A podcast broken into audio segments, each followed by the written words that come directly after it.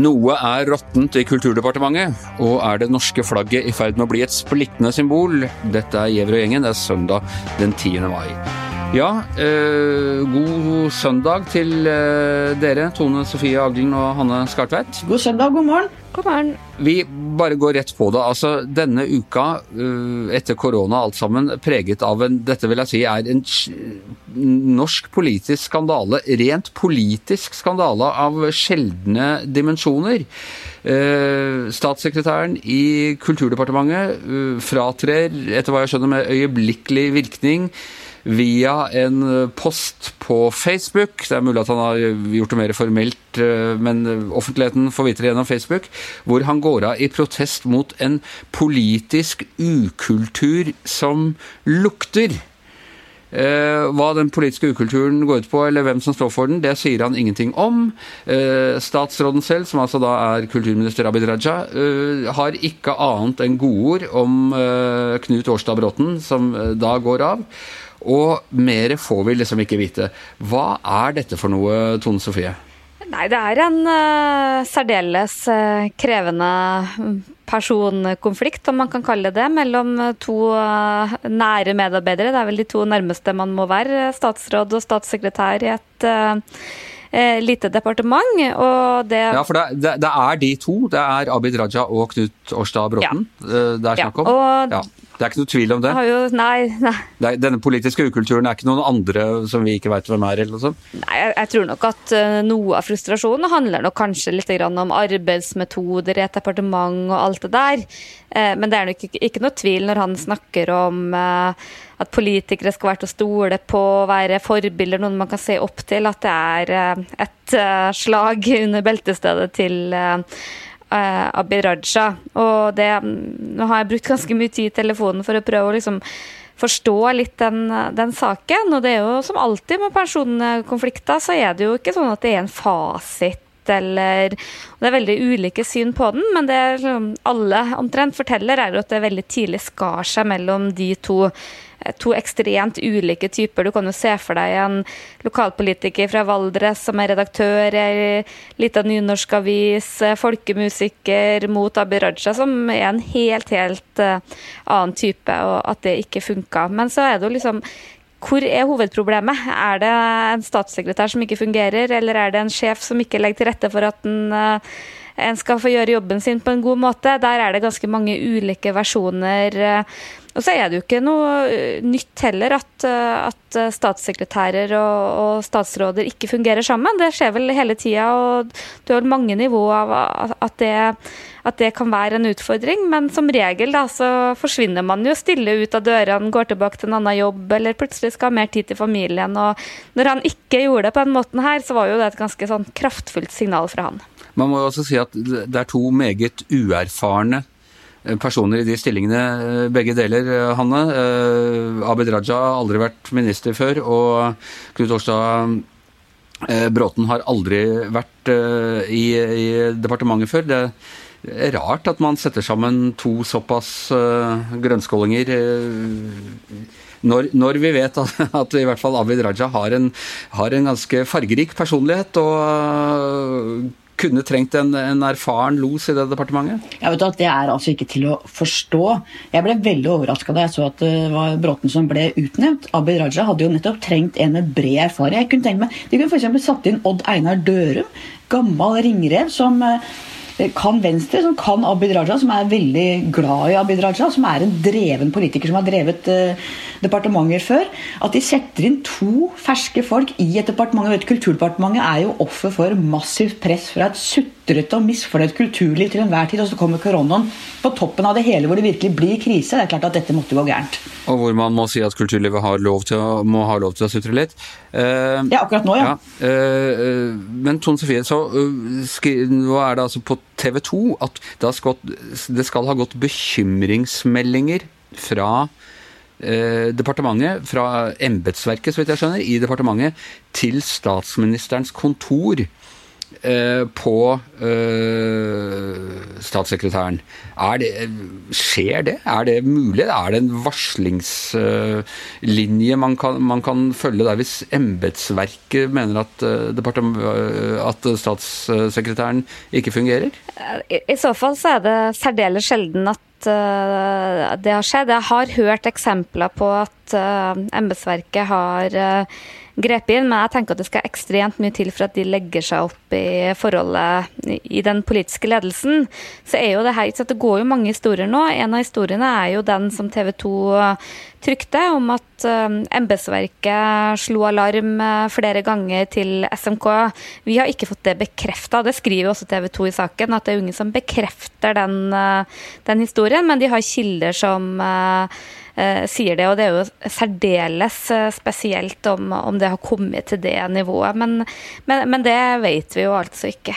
Hanne, hva, hva, kan statsministeren gjøre her? Er, altså, hun er jo kjent for å, for å, holde litt lav profil i eh, type personkonflikter og sånne ting, men hun kan vel ikke la denne situasjonen øh, bare være? Ja, nå har jo Bråten slutta. Hun må vel finne en ny statssekretær som uh, som eh, fungerer og som kan hjelpe Abid Raja som kulturminister. Jeg tror ikke hun kommer til å kaste Abid Raja som kulturminister, også for at det er Venstre som, som finner sine egne statsråder. Og noe av bakteppet her kan jo også være at det er en lederstrid i Venstre nå, hvor det er veldig mange agendaer. Dette kan Ton Sofie om, men kanskje mest av uh, oss alle om. Men det er jo en rekke ulike interesser i Venstre i dette bitte, bitte lille partiet som er stadig mindre.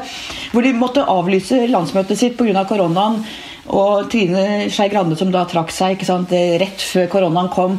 Så det er fullt kaos også på hvem som skal ta over det partiet, og det er nok også noe av bakteppet her. Bare for å forklare det, Hvem er det som utnevner eh, statssekretærene? Formelt sett så er jo det statsministeren som gjør det, for det, det, skjer jo i statsråd, men det er jo partiledelsen som uh, som bestemmer det. Og nå er det vel, vil jeg tro, Iselin Nybø som leder Venstres arbeid i gruppa, som som utnevner det. Det er ikke sånn at statsrådet peker ut sine egne statssekretærer.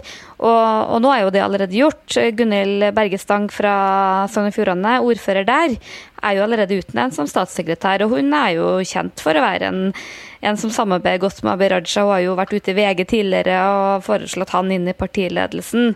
Så det blir nok en statssekretær som han jobber godt med. Eller så må jeg jo si jeg er litt uenig med Hanne om at uh, Odd Einar Dørum hadde vært en enkel og lett statssekretær inn i det departementet. Da. Det, jeg tror nå, Selv om han er erfaren og kjenner partiet og Abid Raja godt, så ser jeg jo for meg at det kan gå ei kule varmt og, og bli litt gnisninger der. Jeg stussa litt på den, jeg også. ja, nei, det, jeg tror det kunne vært, eh, vært interessant også. Se Dørum og Abid Raja. Det er virkelig det gamle og det, og det nye Venstre. Og de har et veldig nært og fortrolig forhold. Ja, uh, yes det får vi altså. Det blir kontrafaktisk historie. Det får, får vi ikke vite hvordan det ville gått. Men, Skulle du si noe sånt? Ja, ja, for det, det, som er litt spesielle med det her, er jo at det får såpass mye oppmerksomhet, er jo ikke fordi at det er en, en personkonflikt Eh, og et arbeidsforhold som ikke fungerer, det er jo ganske daglig, eller ikke skal ikke si dagligdags, men det skjer nå en del i politikken. For det er ulike personligheter. Og, og man, i motsetning til vanlige jobber, så er man jo ikke gjennom eh, vanlig jobbintervju og få jobb pga. kvalifikasjoner, og man skal sette sammen team. Men det helt spesielle her er jo at Åsta Bråten jeg, jo, jeg er jo ikke så veldig begeistra for den måten han gjør det på. For han, jeg syns jo det er en veldig halvkveda vise han kommer med, og jeg syns han hadde stått seg på å være eh, mer tydelig når han først slamrer så med døren. Ja. Men, men, det som er utfordringa, er at han rammer det som er liksom det svakeste punktet til Abid Raja. Og det er nettopp det. Hans evne til å samarbeide, hans evne til å være en god leder. Og jeg har gått liksom litt sånn tilbake og sett på en del av de konfliktene som har vært knytta til Abid Raja før. Og det jeg finner, er at det er aldri snakk om politisk uenighet eller veivalg eller sånn. Det handler stort sett om denne type ting som handler om tillit. Og, og det er litt sånn krevende for han nå i, i denne lederdebatten i Venstre, som eh, som våkner til liv etter eh, koronadvalen, at det her kan liksom bli hengende ved han. Og så mener jo selvfølgelig den andre sida at noen nå bruker denne ulykksalige saken for å, nettopp for å ramme Abid Raja. Og Abid Raja med sin hva skal vi si, fargerike personlighet, han er jo en fyr som, som ber om oppmerksomhet, og, men det er klart at det er et, det er et tveegget sverd. For som du sier, statssekretærer har sluttet tidligere pga. dårlig personkjemi og politisk uenighet og hva det måtte være, uten at det akkurat er noe som opptar nasjonen når det, når det skjer. Bare et lite forsvar til for Dørum. Det er klart at Nå har de igjen da funnet en statssekretær som ikke har noe eh, så vidt jeg vet, noe erfaring fra regjeringsarbeid, og det syns jeg er sjansespill igjen. Uh, Hanne, vi satser på at du får rett i det lange løpet at Odd Einar Dørum kommer inn og redder regjeringa i tolvte uh, time. Det hadde jo vært gøy, da. Kjempegøy. Han kan løse lederkabalen nå, vet du. Nei da. Ikke sant. Uh, og Einar Dørum, altså, for unge lyttere, får jeg si, han har altså vært med i, uh, i Venstre siden 60-tallet, uh, tror jeg. var med på splittelsen i 73 og vært med i flere regjeringer. Og ja, er virkelig en politisk veteran. En intens og veldig oppriktig sjel. Vi må jo kunne si at han er intens og Og skal man jo også si for for alle som har vært på et venstrelandsmøte, så er vel han, han som står for halvparten av alle innleggene og replikkene på talerstolen på et venstrelandsmøte. Så han er også veldig aktiv. Jeg vil også få legge til at han er en ihuga science fiction-fan, og en av de uh, politikere jeg kjenner som har uh, mest innsikt i litteratur og, og science fiction. Så han hadde passa utmerket. Han kunne bedret science fiction-politikken i Kulturdepartementet uh, vesentlig, så min stemme går 100% til han. det er det aller viktigste? Det er det aller viktigste nå. Har vært, vært et, et politisk stebarn i kulturpolitikken lenge er det norske flagget i ferd med å bli et splittende symbol? Vi har sett en uh, merkelig debatt de siste ukene. Startet med at en del toppolitikere, og for så vidt også eh, kronprinsen, eh, gikk med dette lille merket som folk ikke helt skjønte hva var. Jeg skal innrømme De første gangene jeg så det, trodde jeg det var LGBT-flagget eller noe sånt. Masse eh, forskjellige farger i en liten jakkenål, men som altså symboliserer De forente nasjoners bærekraftmål. Mål som jeg tror de færreste av oss vil være uenig i. ikke sant? Rent vann og mindre fattigdom og jeg holdt på å si fred, frihet og alt gratis. Ganske ukontroversielt kontroversielle greier. Eh, men så har man klart å fyre opp en konflikt der, fordi eh, i disse koronatider mener enkelte, og da, da særlig i visse fløyer av Fremskrittspartiet, at man bør ikke gå med det, man bør gå med det norske flagget. Man bør ikke signalisere globalismen i en sånn tid. Man må vise lojalitet til eh, nasjonen. Og du har skrevet om dette, Hanne. Har de et poeng, eller er dette bare å prøve å importere enda en kulturkrigkonflikt inn fra USA? Ja. jeg mener jo eh, Jeg vil mene at uh, i ettertid så har de kanskje et poeng med at uh, hvorfor skal man gå med den nåla akkurat nå? Den er litt fremmedgjørende for mange, men det er helt, som du sier, det er helt ukontroversielle, fine mål. Jeg mener jo at man bør kunne merge dit, og det er ikke noen motsetning der. Man bør kunne ha både bærekraftsmålene og det norske flagget sammen. Tvert om så er det en forutsetning, som jeg skriver i min lørdagskommentar. Det er jo sterke nasjonalstater som trengs for å få et sterkt internasjonalt forpliktende samarbeid. Så jeg skulle gjerne hatt en pinn med bærekraftsmålene, det norske flagget og EU-flagget sammen. Det som er synd med det, er at vi kan risikere å få en situasjon som i Sverige, hvor flagget veldig lenge var nettopp en sånn Eh, hvor høyre, ytre høyresiden klarte å få et slags monopol på det, og den jevne svenske følte at flagget ikke helt tilhørte dem lenger. Og så har svenskene tatt det tilbake. Vi ser jo nå at Stefan Löfven går jo med det svenske flagget på jakkeslaget i sine koronabrifinger, mens de norske går med dette bærekraftmålene. Samtidig har det norske flagget aldri vært, hatt en sånn lada eh, symbolkraft som det svenske har hatt. Det har alltid vært ukontroversielt i Norge, så jeg tror ikke vi havner der at det blir en sånn hva skal jeg si, identitetsmarkør. Men jeg syns det er synd hvis vi får en sånn polarisert debatt rundt flagget som vi jo alle egentlig alltid har vært samla rundt. Hva tenker du om, Sofie? Uh, nei, uh, det må si at det er en debatt jeg sliter uh, slit litt med å få høy puls av. Jeg har jo sett den derre nåla en stund som politikerne går med. Jeg må innrømme at jeg har tenkt som deg, Anders, som liksom, er det her en litt sånn nymotens regnbueflagg, eller hva er det? Og, og har ingen som helst problemer at folk går med verken den eller med flagget eller EU-symbol eller hva folk liker å gå med, men jeg syns jo for en gangs skyld at han Mimmi Kristiansson har et bitte lite poeng når han snakker om hva slags eh, personer som syns det er liksom veldig naturlig å gå med den der pinsen. For jeg tror man skal slite veldig med å få det der til å bli en sånn kraftfull uh, markør for noe, og det er liksom det, det, er så sjølsagt, alt det disse bærekraftsmålene, at det er liksom helt umulig å være uenig i noen ting. Så det er liksom Jeg syns det er bitte lite grann uh, søtt og småmorsomt at de går med det, men uh, Men da er det jo I denne Kristiansson-argumentet så er det jo ren identitetspolitikk, da. Nei, jeg, dette er ikke sånne folk som jeg vil identifisere meg med. så Det er ja. det som er galt. Det var derfor jeg sa at jeg syns det var bitte, bitte lite grann morsomt. Det, for jeg, jeg skjønner jeg, ja. Det var omtrent like stort, et poeng like stort som Rødts uh, gjennomsnittlige oppslutning de siste 20 åra. Ja, det var nettopp det. uh, men, men uh, Hanne, det er, altså, når man går inn og, og tar et sånt, lager et sånt poeng som da noen på, på høyresiden har gjort, så klarer man jo også liksom å tvinge debatten inn i Eh, på sin banehalvdel. Og Det var jo det man gjorde i USA i 2008 under valgkampen her. Plutselig lagde noen et poeng ut av at Obama ikke eh, hadde sånn eh, flaggpinn på jakkeslaget. Og så var det i neste øyeblikket var han da en kenyansk uh, sosialist smuglet inn i landet, uh, ifølge den sittende presidenten, for å uh, som spedbarn for å en gang bli alet opp til å bli en globalistisk antiamerikansk president.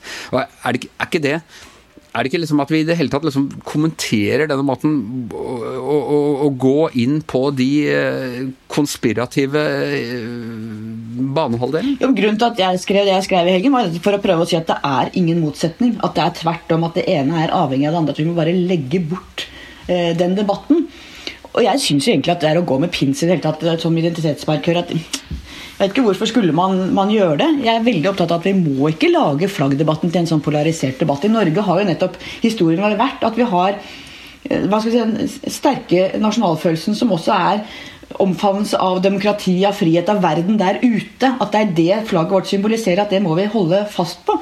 Eh, sånn at, eh, ja, Prøve å på en måte samle trådene og si at nei, faktisk så hører alt dette sammen? Jeg har hørt at den pinnen egentlig står for 'aldri mer 17. mai'. Er det et rykte du kan Så langt de som går med sånne pins i Norge, da, det er jo stort sett uh, mannlige ordførere og fylkespolitikere. Jeg har sett de går alltid rundt med sånn kommunevåpen og en eller annen sånn firkløver og rose og sånn parti. Men Eh, sånn generelt i, i, landet i dag så er det vel ikke veldig mye av det at folk går rundt med Man husker jo det tidligere at du hadde den der SOS eh, Rasisme, knyttneven har jo vært et veldig viktig symbol. Mm. Fredsstue har vært det likestil... Ja, ja, vi har jo hatt det tidligere, men uh, det er liksom uh, Og jeg tviler jo dessverre sterkt på at altså regjeringa kommer til å lykkes med å gjøre det der ja, bærekraftsmålmerket til en sånn en kraftfull eh, forsvar for FNs bærekraftsmål, noe folk var slutta opp om. Men men folk som klarer å engasjere seg mot det, er jo, er jo, kanskje det som fascinerer meg mest. Det er jo synd hvis både norske flagg blir et spørsmål om du er for eller mot flagget, og hvis bærekraftsmålet blir et spørsmål om du er for eller mot bærekraftsmålet. Jeg tror de aller fleste er for begge deler og vil omfavne både FN-pinnen og norske flaggpinnen. Dette, men dette er, altså, dette er, importert fra USA, uh, akkurat på samme måte som den er krigen om jula og uh, julenisser og, uh, og i det hele tatt. Kommer det og det holdes jo i live av oss i mediene, det må vi si. Eh, er dette noe vi nå kommer til å trekke fram hver eneste mai? At, jeg, at du liksom ikke får ordentlig maistemning, akkurat som jeg får ikke julestemning hvis ikke den der julekrigen starter sånn i slutten av november? Kommer vi til å dra den fram den hver gang? Og hva slags 17. mai-sløyfe som er eh, mest nasjonalsinnet? og folk som ikke går i bunad, er globalister. og Går an å jazze opp litt mer i dette her? Jeg håper vi unngår det. for Hvis vi begynner på den veien Vi er jo ikke helt der nå, Anders. Dette er liksom en liten sånn minidebatt akkurat nå. Så jeg håper vi klarer å kverke som FN. Ja, ja. For Hvis vi kommer dit at vi begynner å krangle om det før 17. mai, da har vi mista noe veldig veldig viktig i Norge. Men jeg ser på dette, dette er skuddene i Sarajevo og i den store flagg- og bærekraft... Nei, nei, nei, Anders, nå er du dyster. altså. Det er helt feil. Vi må bare ja, kverke det. Jeg tror nok det her er litt en sånn uh, Twitter Twitter-debatt, som jeg kaller det. Og det er jo litt sånn f.eks. når Sylvi Listhaug eller andre ønsker å få oppmerksomhet på en sak at man liksom prøver å skape et sånn fiendebilde eller en motsetning for å få i gang debatten. Og det er vel et litt sånn uh, forsøk på å skape en sånn motsetning som Jeg har ikke inntrykk av at det her er noe folk flest uh, lar seg engasjere voldsomt i, i hvert fall. Eh, det nærmer seg 17. mai. Det blir jo ikke noe tog i år. Skal dere sitte i bunad på hjemmekontoret og vifte med bærekraftpinnen, eller hva? Og synge 'Ja, vi elsker' ut av vinduet, er ikke det som Nei, men Blir det bunad på 17. mai på dere? Jeg har en bunad som jeg fikk da jeg var til konfirmasjonen min da jeg var 15 år. En som min egen farmor hadde sydd til seg selv da hun skulle konfirmeres. Ja. Den er litt stutt til meg, rett og slett. Og det er den eneste jeg har, så jeg veit ikke Så helt. Velger en globalistisk eh, påkledning på 17. mai. Greit. Hva med deg, Tone Sofie? Nei, det har ikke bunad. Har vel ikke det helt store ønsket om det heller. Fått litt sånn nok av bunadens eh, nye plass i samfunnet, særlig blant eh, tenåringsjenter. Så i sympati med de som ikke har råd, så syns jeg det er greit vi ikke har det. Ja. Eller syns jeg det verste med 17. mai i år eh, er at det er på en søndag. Så den, den delen av befolkningen tilhører nå jeg, da. Nei. øh, jeg skal ta fram 17. mai-sløyfen min. Det er det lengste jeg strekker meg i nasjonalistisk markering. Har ikke du bunad, dette- Anders? Har ikke du bunad? Follobu- eh, Follo-bunaden? Eh, nei, den har jeg ikke fått med, dessverre. Dessverre, dessverre. Jeg er ikke så overraska. Er. Vi får se på det nå hvis, hvis, hvis frontene blir så harde at jeg føler at jeg må velge side, akkurat som AKP drev holdt på på 70-tallet, at nå må vi velge side, så kan, kan det hende at jeg Da skal jeg kjøpe en trønderbunad til deg, Anders. Ja, men jeg har ikke noen røtter i Trøndelag, jeg har noen i Nord-Norge, så det måtte eventuelt være en, eh, en Troms, Troms-bunad eller Finnmark-bunad eller noe sånt. Men nå føler jeg at denne diskusjonen er i ferd med å mm, frike litt ut, så jeg tror vi erklærer eh, Giæver og gjengen for over for i dag. Eh, Tone Sofie Aglen, Hanne Skartveit, Anders Giæver og vår eh, overnasjonale produsent Magne Antonsen, takk for seg, og vi høres igjen i morgen.